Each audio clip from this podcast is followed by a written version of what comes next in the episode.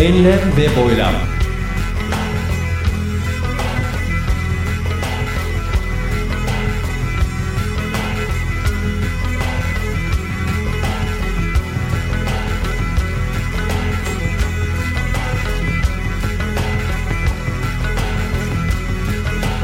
Hazırlayan ve sunan Mustafa Birgin.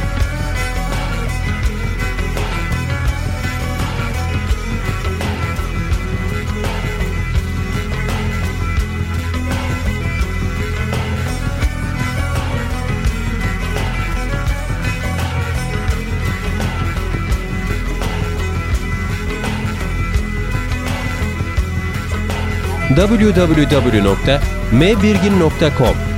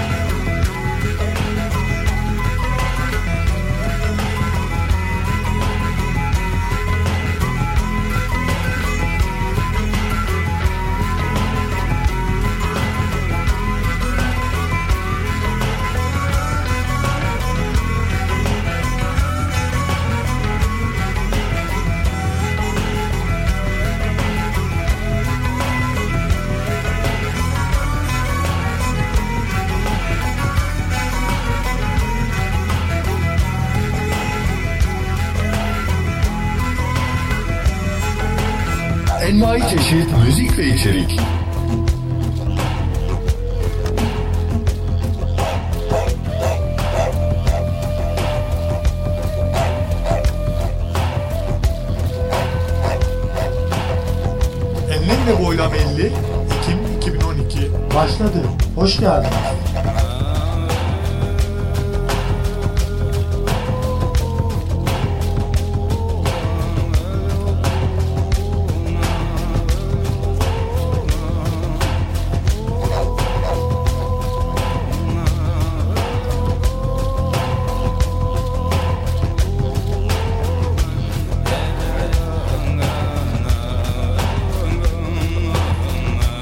Gitarda dakika.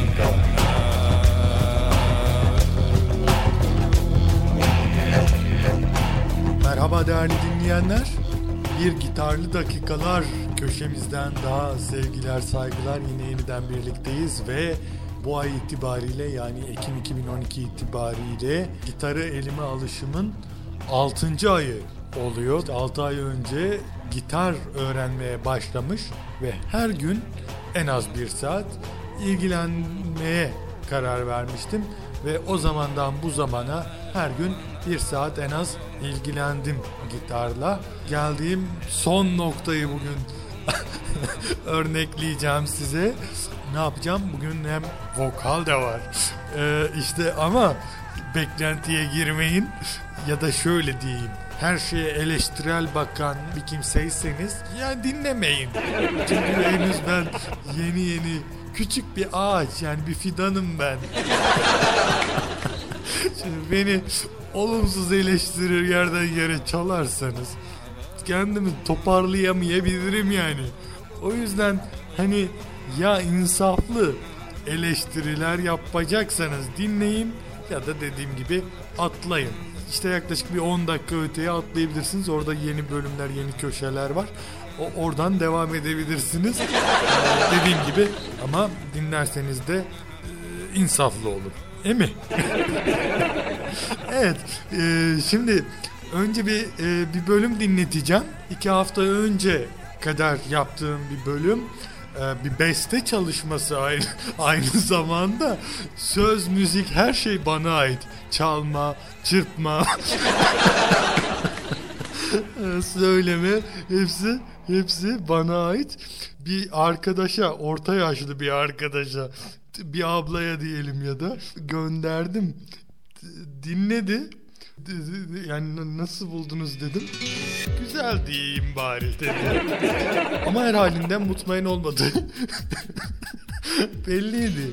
Dahası nezaketen söylediği bu sözle adeta beğenmediğini ifade ediyordu. Bir şey de diyemedik yani ne diyebilirsin ki elimizden gelen oydu. Şimdi o, o bölümü dinleteceğim size. Biz alacağız, biz alacak, biz alacağız, biz alacak, biz alacak. Biz alacak, biz alacak.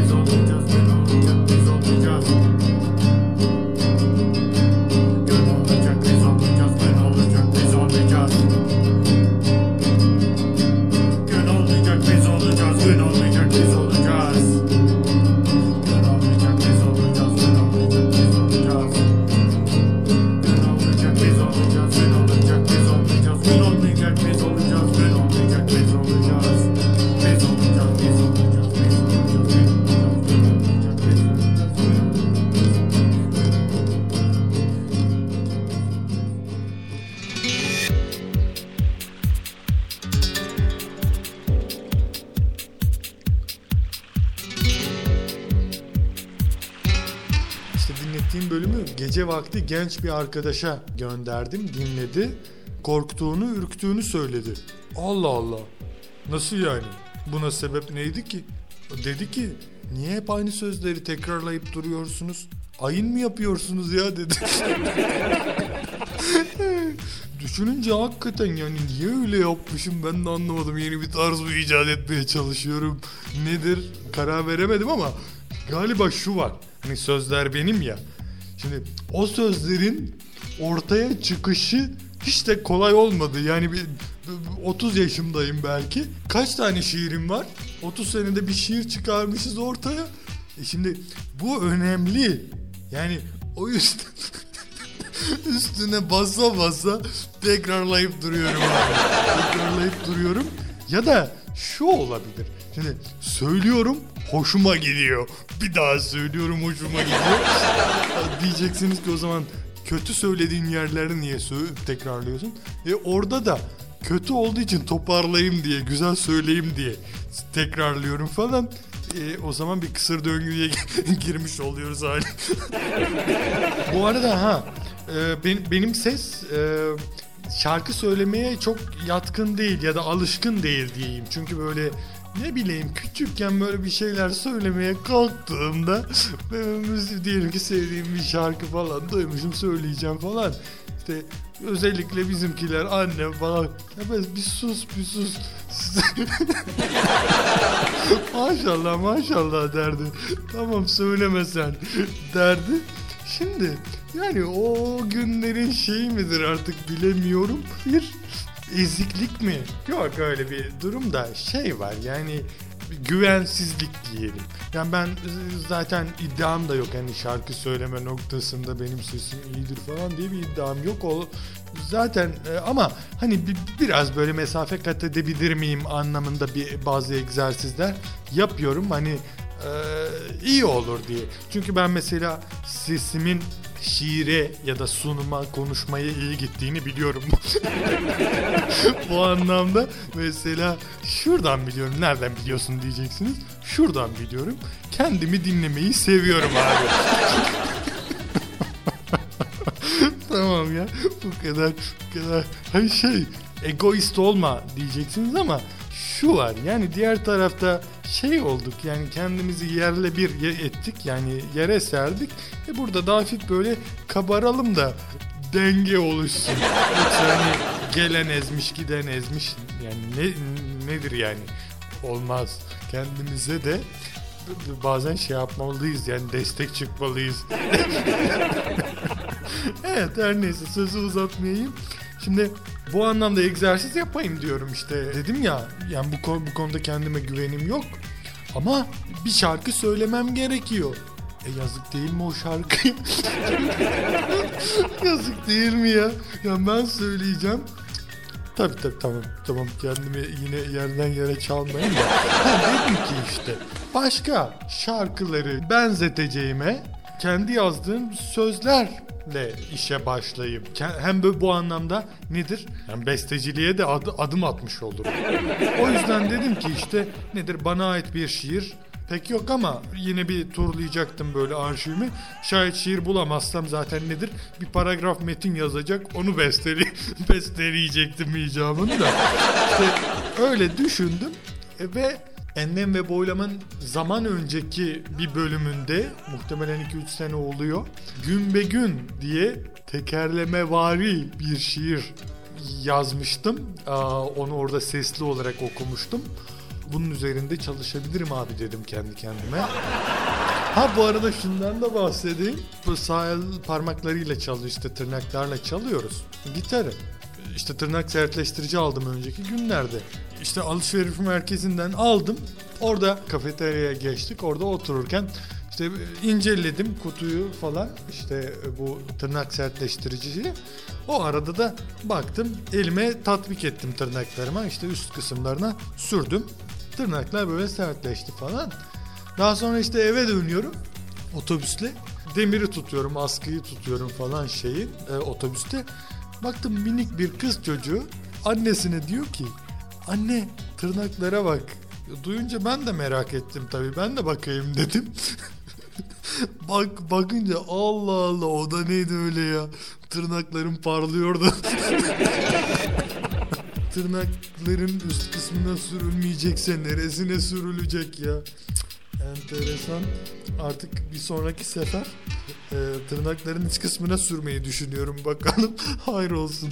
Ama bir, bir süre böyle devam edecek. Böyle şu an mesela bakıyorum tırnaklarım parlıyor. Biraz böyle zımparaladım hafif şey olsun diye gitsin diye ama baktım sonra tırnak sertliğini kaybedecek dedim daha zor olur gitar çalmam o yüzden göz yumdum bu parlaklığa. Zaten evden de çıkmıyorum çok önemli değil. Ya da kış geliyor eldiven giyerim artık. Ha bir de şunu da söyleyeyim. Gitar gitarımın akordu yani ben sadece onu aldığım zaman e, işte bildiğim kadarıyla e, araştırdığım kadarıyla nedir? Akordunu yaptım. Ama işte 6 aydır çalıyoruz, vuruyoruz böyle rastgele, bazen sert, bazen yavaş falan. Tabi nedir? Bozulmuştur. Bugün dedim ki akordunu da yapayım bari dedim.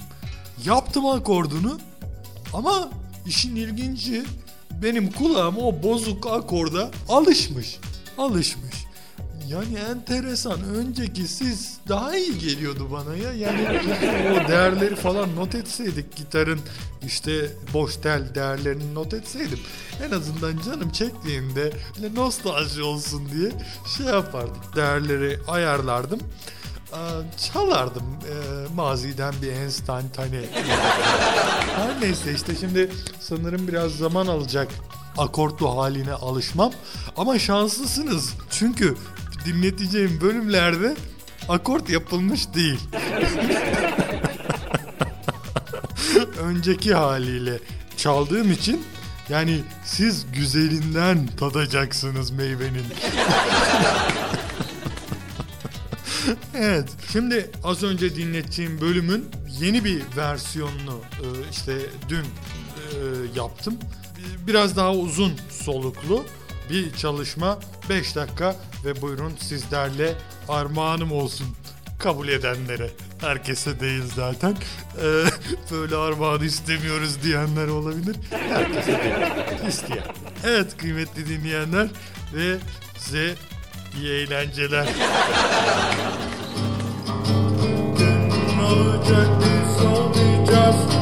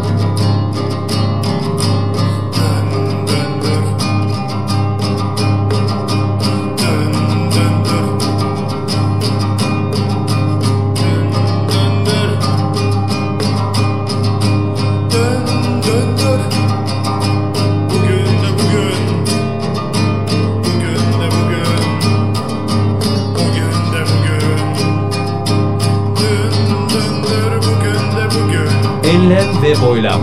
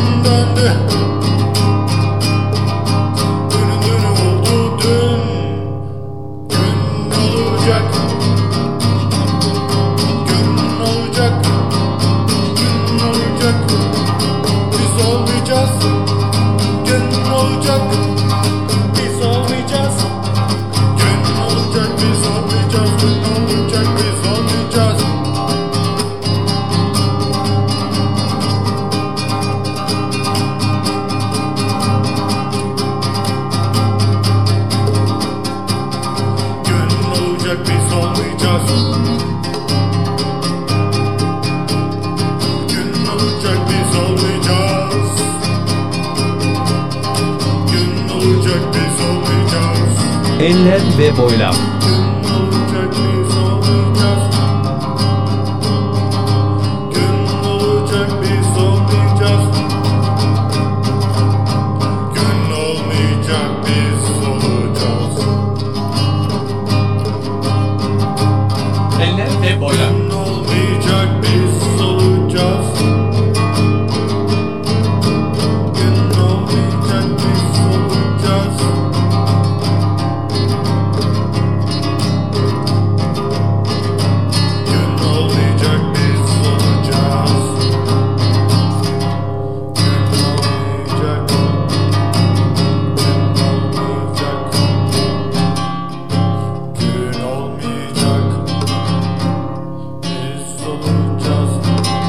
www.mbirgin.com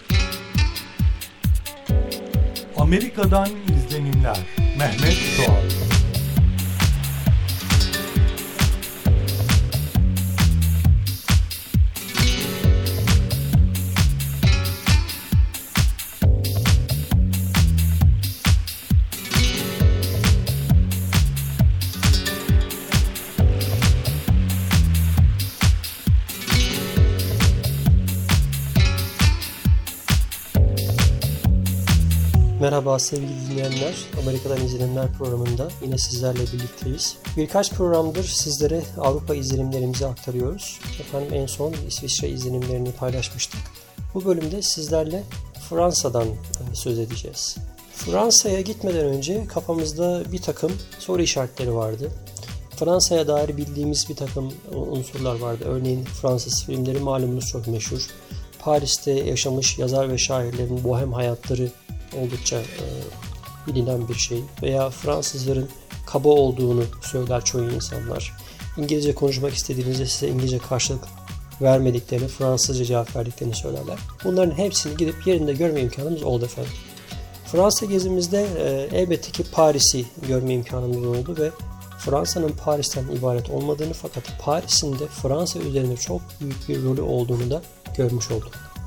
Efendim öncelikle Fransa'ya girer girmez karşılaştığımız ilk tablo e, yine otoyollardaki o dönüş şeritler oldu. Fakat bu kez e, yolda çok fazla bakım çalışması olması ve Strasbourg'dan Paris'e giden yol güzergahında çok fazla gişede durup para ödemek durumunda kalmamız bize yolculuğu biraz çekilmez hale getirmişti. Genel olarak tarihi açıdan önemli bir yere sahip olan bir ülke ve mümkün olduğunca kendi kültürlerini, dillerini muhafaza edebilmek ve yüceltmek adına ellerinden geleni yapıyorlar. Örneğin insanlar çok fazla yabancı dil etkisinde kalmamak için Fransızca konuşuyorlar. Fransızcanın uluslararası arenada bir şekilde yaygınlığın artması için çabalayan kurumlar var. Örneğin tıpkı Türk Dil Kurumu olduğu gibi Türkiye'de Türk dilinin korunmasına çalışan bir kurum olduğu gibi Fransa'da da aynı şekilde bir kurum e, yabancı dillerin etkisinden Fransızcayı korumaya çalışıyor. Yeni nasıl diyelim teknolojiyle birlikte dillere girmeye çalışan bir takım İngilizce kelimelerin yerine Fransızca alternatiflerini oluşturmaya çalışıyorlar vesaire vesaire. Bu şekilde Fransa kendi diline sahip çıkıp eskisi gibi e, Fransızcanın bir dünya dili olması hayalini her zaman içinde muhafaza ediyor. Efendim Fransa'da biz e, iki şehir görebilme imkanına sahiptik. Bunlardan ilki hemen Almanya sınırında olan Strasbourg şehri. Strasbourg hemen Almanya-Fransa sınırında e, yer alan 270 bin nüfuslu bir yerleşim yeri. Bir zamanlar Almanya topraklarında olan bir aslında bir Alman şehri de diyebileceğimiz Strasbourg, Birinci Dünya Savaşı sonrası bir süre e, bağımsız kalıyor fakat daha sonra Fransızlar tarafından işgal ediyor ve Fransa'ya dahil oluyor. Dolayısıyla şehrin hemen her yerinde Alman mimarisine dair örneklere rastlamak mümkün. Strasbourg'u dünya sahnesinde meşhur eden iki unsur var. Bunlardan birincisi Avrupa Birliği ikinci başkenti olması. Avrupa Birliği'nin toplantılarının zaman zaman bu şehirde yapıldığını e, görüyoruz. İkinci bir özelliği de yine Avrupa İnsan Hakları Mahkemesi'nin bu şehirde yer alması. Bu iki Avrupa Birliği önemli kuruluşun yer almasından dolayı Türk dışişleri de boş durmamış bu şehirde bir temsilcilik açarak yakından gelişmeleri takip etmeye çalışıyorlar. Efendim Strasbourg bize biraz Anadolu şehrini hatırlattı. Aslında bir Avrupa şehri nasıl Anadolu şehri olur diyeceksiniz. Malum e, birkaç yerde de söz etmiştim. Bir eski şehir son zamanlarda Avrupa kenti e, ayarında bir şehir haline aldı. İşte şehrin e, içinden geçen nehir var biliyorsunuz Porsuk. Aynı şeyi biz Strasbourg'da da gördük. Yine şehrin ortasından geçen bir nehir. O nehrin üzerinden e, giden tekne turları aynısı. Aynı şekilde şehirdeki hafif raylı e, toplu taşıma sistemi yani tramvay.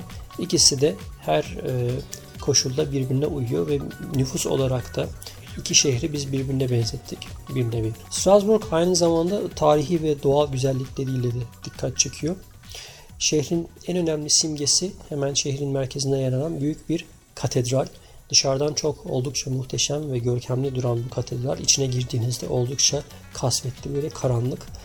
Ee, zaten çoğu katedralde biliyorsunuz böyle bir e, özelliğe sahip.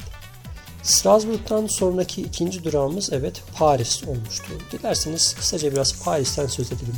Paris'in merkezinde malum asıl cazibe merkezi olan yer Eiffel Kulesi'nin olduğu o meydan ve Eiffel Kulesi'nin hemen yanından geçen Sen Nehri. Sen Nehri üzerinde e, tekne turları düzenleniyor. İnsanlar bu turlara binip şehrin e, o bölgesinde bulunan önemli tarihi yapıları yakınından görme imkanı buluyor. E, o tur üzerinde pek çok durak olduğu için herhangi bir durakta inip o duraktaki önemli bir müze veya işte kilise veya işte eski bir bina, tarihi bir bina onları gezip tekrar o turlara binip gün içerisinde bu şekilde sadece o bölgeyi dolaşmanız mümkün. Biz bu önemli e, tarihi binalardan Notre Dame e, Kilisesi'nin olduğu yere geldik. O meydanda da yine yoğun bir insan kalabalığıyla karşılaştık. Ardından Paris caddelerine karıştık. Caddelerde hınca hınç insanlar var. Hemen hemen her dükkan aslında e, Paris'e gelenlerin pek çoğunun alışveriş düşüncesiyle geldiğinin bir nevi göstergesi. Ee, bunun dışında Paris'ten aklımıza kalan şeyler oldukça kalabalık bir şehir olduğu, bir nevi İstanbul gibi bir e, keşmekeş, neredeyse metro, tren hepsi hınca hınç insanlarla dolu. Şehir içerisindeki trafiğe zaten hiçbir şekilde karışmamaya çalıştık. Belediye bu trafiği, şehir içerisindeki trafiği azaltabilmek için, minimize edebilmek için bisikletleri teşvik etmiş ve şehrin belli noktalarında bisiklet park yerleri var. Bir noktadan park, park yerinden alıp başka bir noktadaki park yerine bisikleti bırakıp bu şekilde e, şehir içerisinde alternatif bir ulaşım sistemi oluşturmaya çalışmışlar. Bunların aylık belli ücretleri var. Bunun dışında Paris'in hemen dışında meşhur banliyolar dediğimiz bu e, göçmenlerin yaşadığı bir takım yerleşim yerleri var. Buralarda da e, yaşayanların pek çoğu Kuzey Afrika ülkelerinden gelen Cezayir'den işte Fas'tan oralardan gelen insanlardan oluşan ve şöyle bir etrafınıza baktığınız zaman çok az e, gerçek Fransız diyebileceğiniz beyaz tenli insan görmeniz oldukça az. Malumunuz geçtiğimiz yıllarda buralarda çıkan yangınlarla Paris gündeme gelmişti. Paris'in biraz daha dışına çıktıkça asıl şehir merkezindeki o tarihi dokudan uzaklaştıkça karşımıza yeni bir Paris çıktı. Gökdelenlerin büyük devasa iş merkezlerinin yer aldığı bir Paris. Malum neticede Paris e, Avrupa'nın önemli bir ticaret merkezi. Ekonomi anlamında da dünyanın 7. büyük ekonomisi olarak sunuluyor.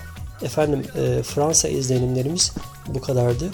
Bizlerle birlikte olduğunuz için teşekkür ederiz. Bir sonraki programda görüşmek üzere.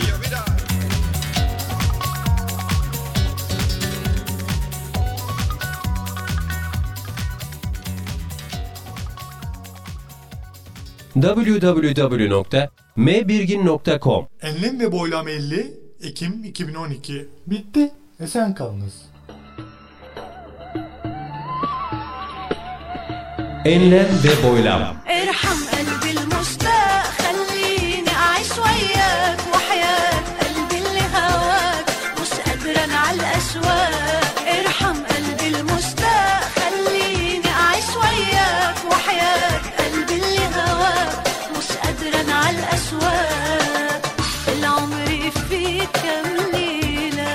mbirgin.com